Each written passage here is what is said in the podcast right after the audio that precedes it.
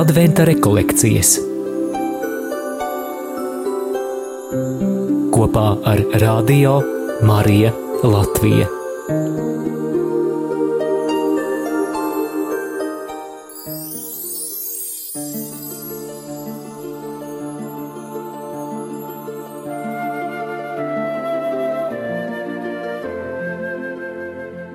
Jērs kā simbols saistās vispirms ar pestīšanas vēsturi ar to laiku, kad izredzētā tauta izceļoja no Ēģiptes zemes.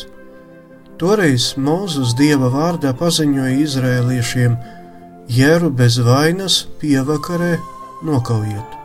Viņi paņems tā asinis un apslacīs abas durvju palodas un māju sliekšņus, kurās to ēdīs. Nāves eņģelis, kas gāja cauri visai Eģiptei, gāja garām tām mājām, kurās bija apslacītas ar jēra asinīm. Judu tauta katru gadu svinēja Paskas svētkus, pieminot savu izceļošanu no verdzības zemes, un šajos svētkos tradicionāli tika gatavoti ēdieni no jēra gaļas.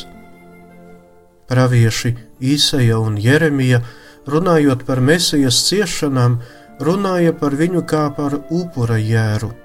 Īsais saka, ka Viņš tika mocīts, un pats viņš to atļāva, un neatvera savu muti. Kā jērs, kas tiek vests uz kaušanu, kā auss, kas paliek klusa savu cirpeju priekšā, tā viņš neatdarīja savu muti. Arī jaunajā derībā par Kristu kā par jēru mēs daudz ko varam izlasīt.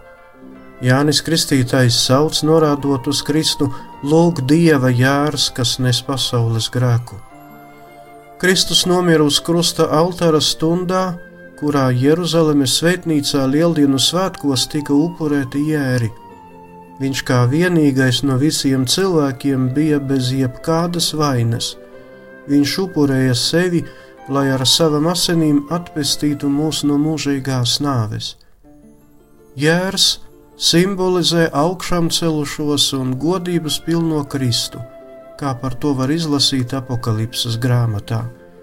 Jērs, kas bija nokauts, ir cienīgs saņemt varu un bagātību, un gudrību un spēku, un godu un slavu un pateicību.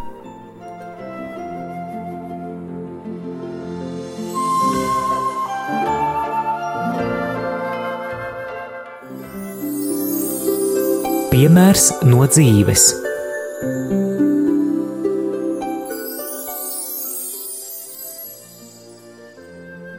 Labrīt! Sauc man Ines, un šajā rīta stundā vēlos ar jums padalīties pārdomās par iziešanu.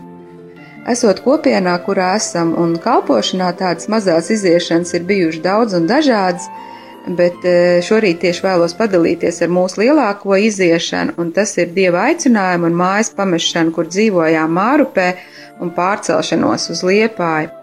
Šajā aicinājuma laikā Dievs īpaši uzrunāja ar divām raksturvietām. Tā ir šodien minētā Izraēla iziešana, un otra ir Abrahama iziešana no 1. mūzes grāmatas 12. nodaļas.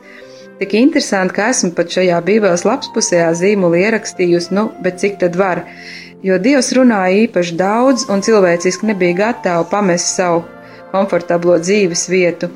Un ļoti interesanti, ka abas šīs iziešanas ir aprakstītas Mūzes 1. un Mūzes 2. grāmatā un tieši 12. nodaļā, un Mārupē mēs dzīvojām 12. dzīvoklī.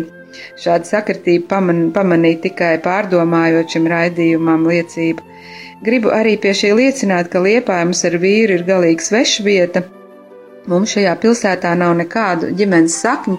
Tas, protams, sākumā nebija viegli, jo bija jāatrod darbs, bet dievam nekas nav neiespējams, pirmajā gadā man biskups paaicināja palīdzēt katoļu pamatskolā par skolotāju, bet jau diezgan ātri vien sapratu, ka viss mans harizmas šajā profesijā sen jau esmu pazaudējusi, un izrādās šis darbs tomēr bija dievu plānā, jo pārtraucot šeit darbu, vīri iedrošināt rakstīt vēstules savus meitas klases biedru vecākiem, kas ieņēma atbildīgas posteņas savās darba vietās, un tik liels man bija pārsteigums, ka pēc pāris mēnešiem man zvanīja Liepājas simfoniskā orķestra vadītājs un piedāvāja darbu. Tajā brīdī es sāku skaļi pa mājā kliegt un, un lēkāt un nedaudz pārbiedēju savus ģimenes locekļus. Bet ko ar to gribu teikt? Eh, vēstulē, ko adresēju klasbiedru vecākiem, es minēju, ka esmu katoli, un man darba devējs, kā izrādījās, arī bija katols, un tam bija liela nozīme, ko es biju minējusi. Dievs patreiz man ir svētījis ar atbildīgu amatu un labu darba vietu.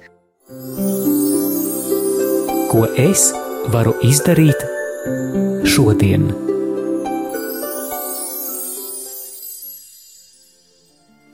Gribu iedrošināt eh, klausītājus, ka nekad nebaidīsimies iziet, ja Dievs mūs aicina un apliecināt, ka esam Jēzus sekotāji.